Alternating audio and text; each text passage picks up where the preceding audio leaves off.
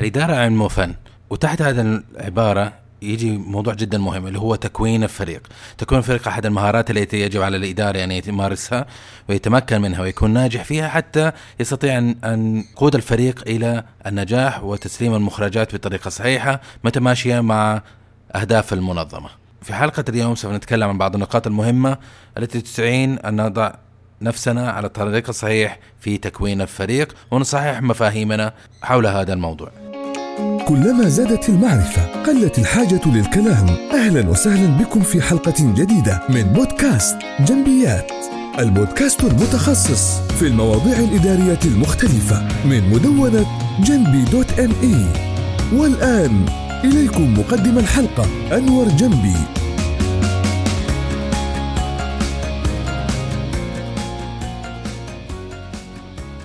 كيف نبني فريق العمل؟ بناء فريق العمل يتعدى مرحلة إنه إحنا نوظف أعضاء فريق آه، جيدين آه، ونضعهم كلهم في مكان واحد ونتوقع منهم إن يعملوا. بناء الفريق مهارة من مهارات الكبرى والمهمة اللي على المدير إنه يتعلمها ويتطور فيها حتى يستطيع أن ينجز. نتذكر شيء مهم وكثير من المدراء يفقدوا هذا الشيء أو ينسوه. إنه المدير مهمته إنه يدير وليس إنه يقوم بالعمل نفسه. معناته أنه نجاح المدير منوط ومرتبط بشكل كبير في الفريق وفاعليته وكفاءته وهل يستطيع انه ينجز أعماله بطريقة صحيحة ولا لا. بناء الفريق لا تعتمد فقط على توظيف أشخاص مناسبين وأشخاص آه، تتلائم ثقافاتهم وأهدافهم مع بعض، هذا مهم، لكن أيضا هناك نقاط أخرى حنتطرق لها بإذن الله في بودكاست اليوم، حلقة اليوم، ونتكلم عن تكوين فريق العمل. من النقاط المهمة التي علينا أن نفهمها في عملية تكوين الفريق أنه ويتناساها كثير من الإداريين عندما يبدأوا العمل ينغمسوا بشكل مباشر في إدارة الفريق وتوجيهه وت...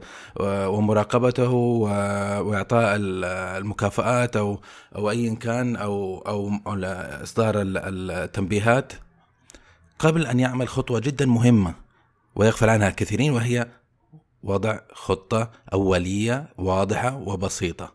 هذه جدا مهم. بدون خطة سيكون عندك يعني فريق متفكك فريق لا يت... غير متناسق. كل واحد يعمل بطريقته أو تفسيره آه الخاص.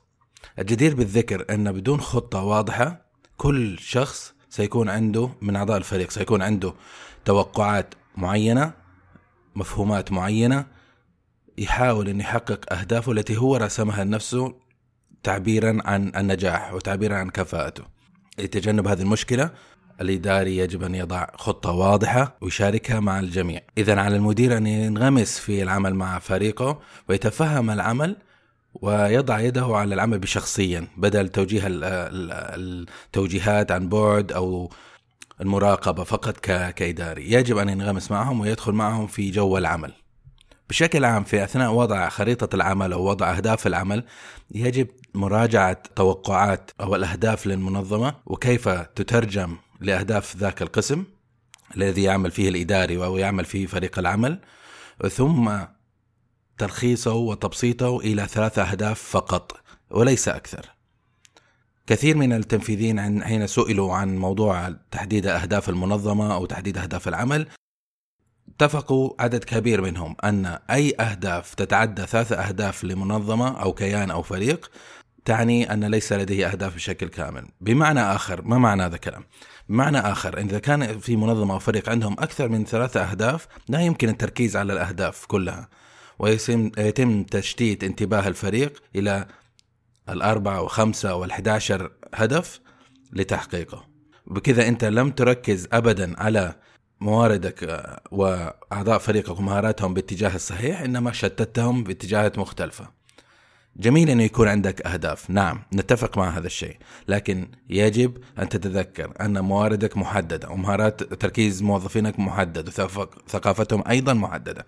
يجب أن تحدد أهداف معينة بسيطة ثلاث أهداف في حد أقصى وتركز منها على على تلك الأهداف لتحققها. ومن تلك الأهداف الثلاثة تتشعب الأهداف الفرعية لكل أعضاء الفريق بحيث إنه تتماشى أهدافهم جميعا مع تلك الأهداف الثلاثة.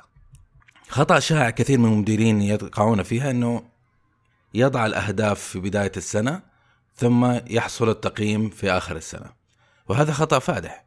خلال العام لا توجد أي طريقة لمراقبة الأداء لمشاركة التغذية الراجعة بشكل مستمر وبشكل صحي وهذا أيضا يسبب ضبابية في العمل وتشتت الانتباه العاملين بحيث إنه لا يستطيع أن يعمل تصحيح شخصي بشكل سريع حتى يتماشى على الطريق نفسه الذي يمشي فيه جميع أعضاء الفريق لتحقيق الهدف. وهذا هو الهدف الأساسي من تكوين الفريق أنه في هدف يريد ان تحققه، إذا كل واحد ما هو ماشي بنفس الطريق إذا أنت عندك إشكالية كبيرة، وفي نقطة مهمة أن إذا كان كل شخص يحدد أهدافه بسبب أنك أنت لم تحدد أهداف المنظمة في هذه الحالة سيكون لكل من لكل فرد من أعضاء الفريق أهداف خاصة فيه رسمها بنفسه على حسب توقعاته على حسب فهمه على حسب آه، قياسه أو رؤيته هو لمهارته وكيف يريد أن يعبر عن نفسه. بهذا تحصل كثير من احتمالية تعارض المصالح بين أعضاء الفريق ومن ثم ظهور إشكاليات بين أعضاء الفريق وبشكل مستمر مما يسبب انخفاض في كفاءة أعضاء الفريق وتشتتهم. نقطة جدا مهمة بخصوص الأهداف. حاول أن تذكرهم بشكل مستمر لا ترسمها مرة واحدة ثم تذهب لتنام لمدة عام. يجب عليك أن تذكرهم بشكل مستمر. أغلب الناس يجب أن تكرر عليهم المعلومة أكثر من مرة حتى يمتصها أو يتبناها. أعضاء فريق كذلك. يجب أن تكون فاهم لموضوع أن تذكرهم بشكل مستمر على الأهداف. فقط حينها سيتبنون تلك الأهداف ولن ينسوها. ويلتزموا فيها منعكسة على أهدافهم الشخصية وأهداف ومخرجاتهم أيضا. نقطة مهمة أخرى يجب أن نذكرها وهي تحديد القوانين العامة. الآن أنت حددت القوانين أو الأهداف ال ال ال الأولية للمنظمة. لكن لتحقيق تلك الأهداف هل نستطيع جميعنا أعضاء الفريق وقادته وجميع مستوياتنا أن كل واحد يعمل ما يريد بالطريقة التي يريدها ويتواصل بالطريقة التي يريدها آه، من أجل تحقيق ذلك الهدف الغاية لا تبرر الوسيلة. انتبه لهذا الشيء. الغاية لا تبرر الوسيلة. إذا لتجنب آه، ظهور إبداع لا غير مرغوب فيه من قبل أعضاء الفريق في آه، خلق طرق ووسائل وعادات مختلفة محاولة تحقيق الهدف يجب أن تحق تضع قانون أو نظريات أو قوانين محددة لاعضاء الفريق يجب أن يلتزموا فيها ما دام هم يعملوا مع بعض في المنظمة. وهذه القوانين التي نذكرها الآن تختص كثيرا بثقافة العمل في الفريق. تكوين ثقافة الفريق جدا مهم وتكوين ثقافة الفريق لا تكون بجمعهم مرة في السنة آه، في اجتماع ثم تقوم بلعبة ما وتدعوها بلعبة تكوين الفريق. لا ليس هذه الثقافة. أو تعزمهم مرة في السنة في فطور رمضان أو في اجتماع الشركة. هذه جدا جميلة النشاطات ولا ننكرها لكن ليست هي الوسيلة بناء ثقافة فريق قوية عملية بناء ثقافة الفريق ليست عملية سهلة وتختلف الطريق. ليس هناك مفتاح واحد لحل جميع الإشكاليات. ثقافة الفريق قد تبنى بأن قائد الفريق يعكس أو يمرر القوانين آه، لأعضاء الفريق فيتبنوها وقد يكون هناك مدراء آخرون يفضلون أن يقوموا بتمارين لأعضاء الفريق معا بحيث أن هم يتبنوها من الأسفل إلى الأعلى. وبذلك تشكل أنت ثقافة المنظمة. أيا كان يجب أن تجد الطريقة المناسبة آه، لبناء ثقافة الفريق تتماشى وتناسب تلك الطريقة مع ثقافة الفريق مع إمكانياتهم مع مستوياتهم مع خبراتهم التزم بثقافة الفريق. التزم بالقوانين. من أسوأ الأمور التي يمكن أن نقع فيها أن نحدد ثقافة الفريق نحدد قوانين نحدد أهداف ثم لا نلتزم بهذا كله. كن محدد فيما تريده كن واضح والتزم به وبشكل مستمر. أنت أولا ثم أعضاء الفريق. تذكر القيادة بالمثل. قم أنت بالأمور التي التي تحاول تعكسها وترسلها والرسالات التي تحاول ترسلها لأعضاء الفريق قبل أن تتوقع من أعضاء الفريق أن يلتزموا فيها. الاحترام. الاحترام من أهم المفاتيح التي يجب أن نهتم فيها. وأثناء عمليات العمل قد نواجه إشكاليات معينة. قد تسبب أو توجهنا للخروج عن دائرة لا نريد أن نخرج عنها وهي دائرة الاحترام. أعضاء الفريق إذا لم يؤمنوا أنهم أن الإدارة تحترمهم بطريقة مناسبة لا تتوقع منهم الإنتاجية بشكل مناسب. جميعا في حياتنا العملية قد مررنا بمدير أو مدراء سيئين. هؤلاء المدراء السيئين عادة يشتركوا في خصائص أو خصال مشتركة. ما يسمعوا؟ They micromanage. يديروا كل شيء بالتفاصيل. لا يعطوا الثقة لموظفيهم. أو ينظروا إلى موظفيهم فقط كبيادق أو كأجزاء أو موارد من حقه أن يستغلها حتى يحقق أهدافه هو الشخصية. يتهرب من تحمل المسؤولية إذا وقع خطأ فيوجه الاتهام وأصابع اتهام للمو... لأعضاء الفريق بينما يسرق الاعتراف بالفضل إذا حدث أمر جيد. وهذا مدير جدا سيء ويزرع ثقافة سامة في أعضاء الفريق مما يسبب تفككه مما يسبب انخفاض في الكفاءة والإنتاجية وربما انعدام المخرجات. ومن أسوأ الخصال في المدير أنه يهاجم الموظف أمام زملائه ويعريه إذا حصل خطأ منه والقائمة تطول تحت عنوان المدير السيء. تصرفات مثل هذه تضع أعضاء الفريق في موضع دفاع. يتردد أعضاء الفريق في تلك الحالة من مشاركة أفكارهم. وكذا أنت خسرت كإداري التغذية الراجعة من أهل الخبرة من فريقك أو تبني الأعمال منهم. لأن أعضاء الفريق سيضعون في حسبانهم صورتهم أمام زملائهم صورتهم أمام نفسهم صورتهم أمام مديرهم صورتهم أمام منظمتهم. وكل مرة عنده مبادرة يحب أن يقوم بها سوف يتردد. لماذا يتردد؟ يخاف من هذا المدير السيء أن يحول المبادرة التي يحاول يقوم بها إلى نقمة تؤثر عليه هو كشخص. حدد النبرة. النبرة بمعنى أن تحدد النبرة في العمل. وحبذا أن تكون النبرة هذه تتمحور حول الاحترام وهي النقطة التي ذكرناها سابقا.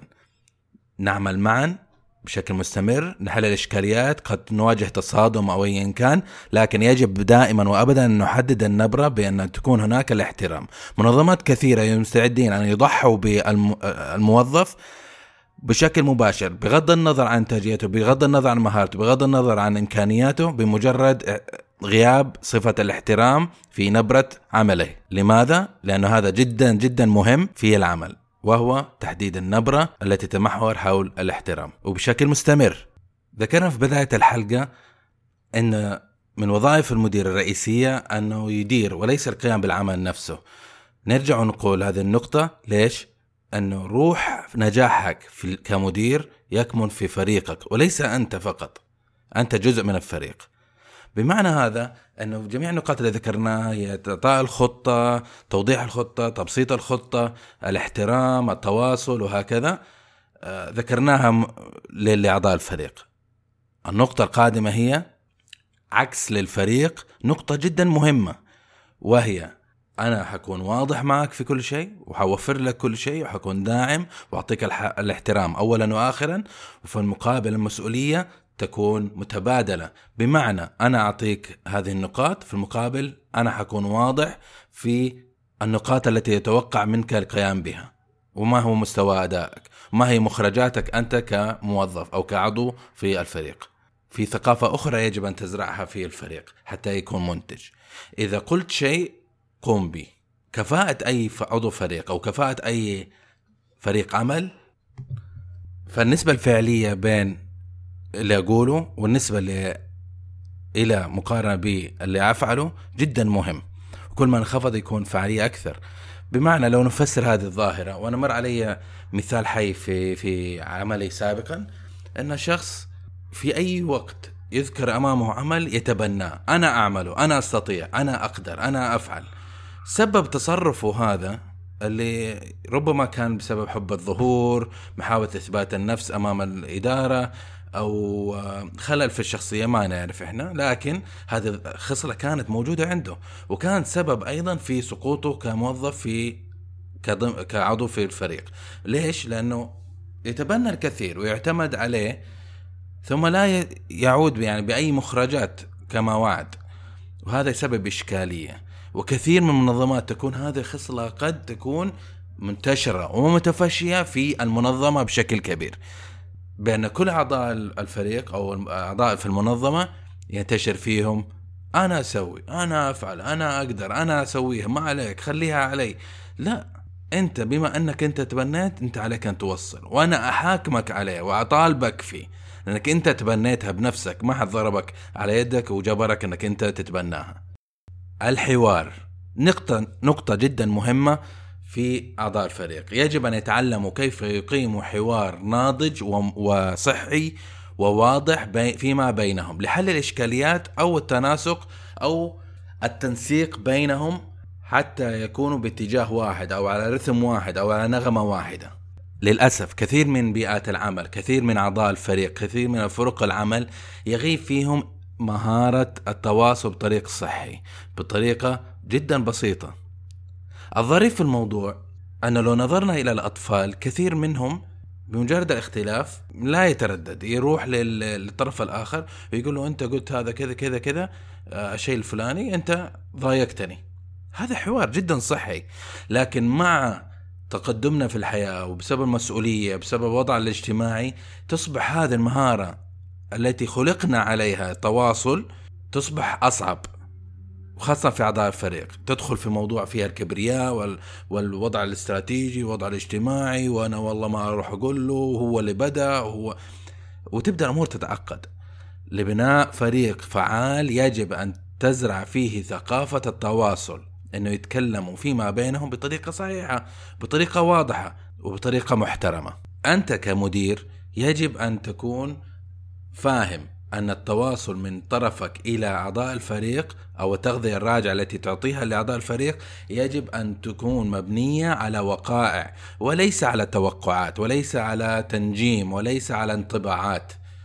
لا تبني قراراتك على انطباعات وهذه أكبر خطأ يمكن أن يقع فيها أي مدير. لأنه إذا أنت بنيت أمورك على توقعات خارج عن استطاعة أعضاء الفريق التحكم فيه أو إنهم يصلحوا الوضع فيه. ما يقدر يتحكم هم في مشاعرك وانطباعك وتوقعاتك اللي أنت ما ذكرتها لهم. إذا أنت بنيتها بالطريقة هذه يبدأ أعضاء فريقك في السقوط يبدأوا في الإحساس بأنهم في منطقة ضبابية غير واضحة.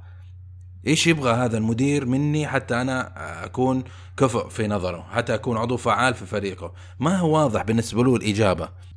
بمعنى كمثال إذا كان عندك موظف يجي متأخر نص ساعة كل يوم كيف تتواصل معه بطريقة صحيحة؟ تذهب إليه وتقول له يا فلان لاحظت إنك أنت تتكرر التأخر في فترة الصباحيه كل يوم نصف ساعة ومن الواضح إنك أنت غير ملتزم أو غير مهتم في العمل. هل هذا التواصل طريقه صحيحة؟ لا خطأ. لأنك أنت بنيت على انطباعك. أنت شفت منه عمل ما اللي هو تأخر 30 دقيقة وبنيت عليه افتراض وصمته إنه هو غير مهتم. هذا خطأ. لكن الطريقة الصحيحة اللي ممكن تذكر لها نفس المعلومة بس بتنسيق قليل من الحروف والكلمات. تقول يا فلان أنت جيت لاحظت إنك تيجي كل يوم 20 دقيقة أو نص ساعة متأخر. وهذا الشيء الظاهر هذا أو التصرف هذا يجعلني أحس أنك أنت غير مهتم في العمل. في المقابل السيناريو الثاني الموظف لا يستطيع أن ينكر عليك ما تحسه. هذا انطباع انت أنت يعني أنعكس عليه تصرفه أنعكس عليك وولد هذا الشعور. فإما أنه يصحح أو انه يبرر إيش السبب تأخره كل يوم بثلث ساعة أو نصف ساعة، ربما هو بعيد عن العمل هل عنده مدارس هل عنده مشكلة صحية لازم يروح مستشفى في الصباح ياخذ علاج؟ ما تدري. بس لازم أنت تتواصل معه حتى تفهم التغذية الراجعة منه. وإذا ما عنده سبب مبرر نتيجة التواصل سوف يكون حل الإشكالية. يجب أن أنت تلاحظ شيء صحيح أو غير صحيح أو ايا كان أو في توجيه تتواصل بطريقة صحيحة مع الطرف الآخر سواء كان في الفريق هذا جدا مهم لأنه أنت كمدير إذا ما تعرف تتواصل مع أعضاء فريقك فالدنيا السلام. وأيضا تتواصل مع أندادك في العمل مع مديرك بطريقة صحيه وواضحة. ازرع ثقافة التغذية الراجعة بمعنى أن تجعل مرؤوسيك أو أعضاء الفريق بشكل مستمر لا يستغربوا إذا أعطيتهم تغذية راجعة، الآن إذا أنت ما عودتهم إنهم يستقبلوا التغذية الراجعة سوف تكون لهم صدمة. كل مرة تفتح فيها فمك، تقول لهم والله شباب ترى أنا لاحظت إنه في عدم انتظام في تسليم التقرير يوم الأحد. إذا ما تعودتهم حيشوفوا صدمة كأنه هجوم منك أنت كشخص عليهم. لكن إذا عودتهم بشكل مستمر تعطيهم تغذية راجعة حياخذوها بطريقة بناءة. وطبعا أنت طريقتك في التغذيه الراجعة تكون صحية أصلا وتختار الوقت والمكان المناسب. فإذا أنك عودتهم إنهم يأخذوا التغذيه الراجعة بهذه الطريقة حتستطيع أن تتواصل معهم بشكل مستمر بدون أن يأخذوا وضع دفاعي. مصيبة البريد الإلكتروني مصيبة الإيميل. الإيميلات من أكثر وسائل التواصل استخداما في المنظمات الآن خاصة أن في كثير من أعضاء الفريق في أماكن أخرى. ونسيهم في هذه الحالة أعضاء الفريق الافتراضيين لأنهم ما هم موجودين في نفس الموقع. قد يكون في دولة أخرى في موقع آخر موقع جغرافي آخر مكتب آخر في المدينة. آه، أو يكونوا معنا في المكتب لكن جميع منشغلين في اعمالهم فمسألة إنه أنا أطلب تقرير من فلان خلاص أنا أكتب إيميل بريد إلكتروني وأرسله لفلان. آه، وقت ما شافه يعني يرد علي باللي أنا أحتاجه. جدا عملي. جدا جميل البريد الالكتروني لكن فيها إشكالية واحدة. ليس فيها أي مشاعر. والطريقة الصحيحة أنك تتعامل مع الإيميل أن تتذكر هذه النقطة انه البريد الإلكتروني فقط كلمات وفيها طلب أو معلومة أو تنويه مثل ما هو مكتوب فقط من غير مشاعر. من غير ما تفترض إنه الشخص هذا قاعد يكلمني وهو هجومي أو زعلان أو آه، يحاول إنه ماخذ موقف مني في عملي حتى يثبت للناس. لا تأخذ في, في, في بالطريقة هذه. وبسبب عدم فهم الطريقة الصحيحة لاستخدام البريد الإلكتروني يتولد إشكاليات كثيرة في المنظمات. إشكاليات كبيرة بين أعضاء الفريق بحيث أنه يبدأ تبدأ معارك ضروسة بين اثنين على الإيميل وفي 600 ألف واحد في الإيميل أيضا قاعد يعني يشاهدوا المعركة وكل واحد يحاول أنه يثبت وجهة نظره. مشكلة الإيميلات أنها واحد لواحد بمعنى أنها واحد يرسل إيميل ثم يرد عليه ثم يرسل إيميل ويرد عليه. وتظهر في الإنسان خصلة إنه يحب يكون هو المنتصر في في سالفة الإيميلات وفي سالفة معارك بالإيميلات. بمعنى إنه هذا الإيميل ممكن يقعد يروح آه، بين الطرفين بشكل مستمر حتى يتحقق الرضا النفسي عند واحد منهم أو يتدخل واحد ويوقف المهزلة. والسبب بشكل بسيط إنه الاثنين لا يفهموا أن الإيميل ليس مكان لحل الإشكاليات، الإيميل ليس فيه مشاعر، لا تفترض أو تأخذ ردة فعل بسبب إيميل، خذ المعلومة وإذا عندك سؤال عن المشاعر ارفع التليفون واتصل عليه. النظرية تقول في الإيميل التبادل في التواصل يجب أن لا تتعدى إيميلين فقط، إذا كان في تواصل أكثر من كذا بشكل مستمر ارفع التليفون أو حدد اجتماع. اجلس مع الشخص وافهم منه وجهة نظره وإيش الاشكاليه التي تدور حول الموضوع إذا كانت في إشكالية. وهذا الطريقة الصحيحه في التعامل مع البريد الإلكتروني. نختم حلقة اليوم بذكر مراحل تكوين الفريق. مراحل تكوين الفريق في الغالب تذكر في أربعة مراحل forming, storming, norming and performing. forming اللي هي مرحلة التكوين مرحلة تكوين الفريق وضع اعضاء الفريق مع بعض تحديد الأهداف آه، توجيههم وتكوينهم وضعهم في مكان واحد لتحقيق هدف واحد. هذا مرحلة الفورمينج مرحلة التكوين. مرحلة الستورمينج وهي مرحلة العصف وهذه أكبر مرحلة حساسة في حياة تكوين أي فريق. مرحلة العصف هي مرحلة تعارف أعضاء الفريق فيما بعض ووضع الحدود و فهم إمكانيات بعض وفهم شخصيات بعض. هذه البشر أو أعضاء الفريق ليس ليسوا رجلاليين ليس لديهم مشاعر أو آه، ثقافات أو إمكانيات أو خلفيات أكاديمية. البشر شخصياتهم جدا معقدة. لهذا عندنا قسم خاص اسمه إدارة الموارد البشريه حتى يتعامل مع هذا الكائن الحي. فمسألة أن تضع فريق وتعطيهم أهداف ما معناته أنه خلاص هم مية في المية. لا لازم بطريقة صحية يتعارضوا مع بعض بحيث أنه يتعرفوا على بعض ويوصلوا لمرحلة أخرى. هذه المرحلة قد تقصر أو تطول من فريق إلى فريق بناء على الفريق وثقافته وبناء على المدير ومهارته. هل نتدخل عن جميع إشكالية تصير بين أعضاء الفريق؟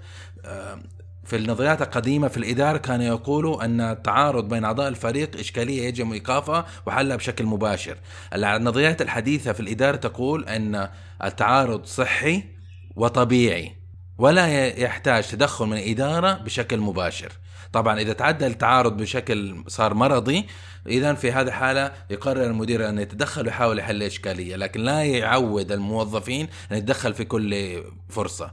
لا يفقد في قيمة التعارض بين أعضاء الفريق بتدخله في جميع صغيرة وكبيرة.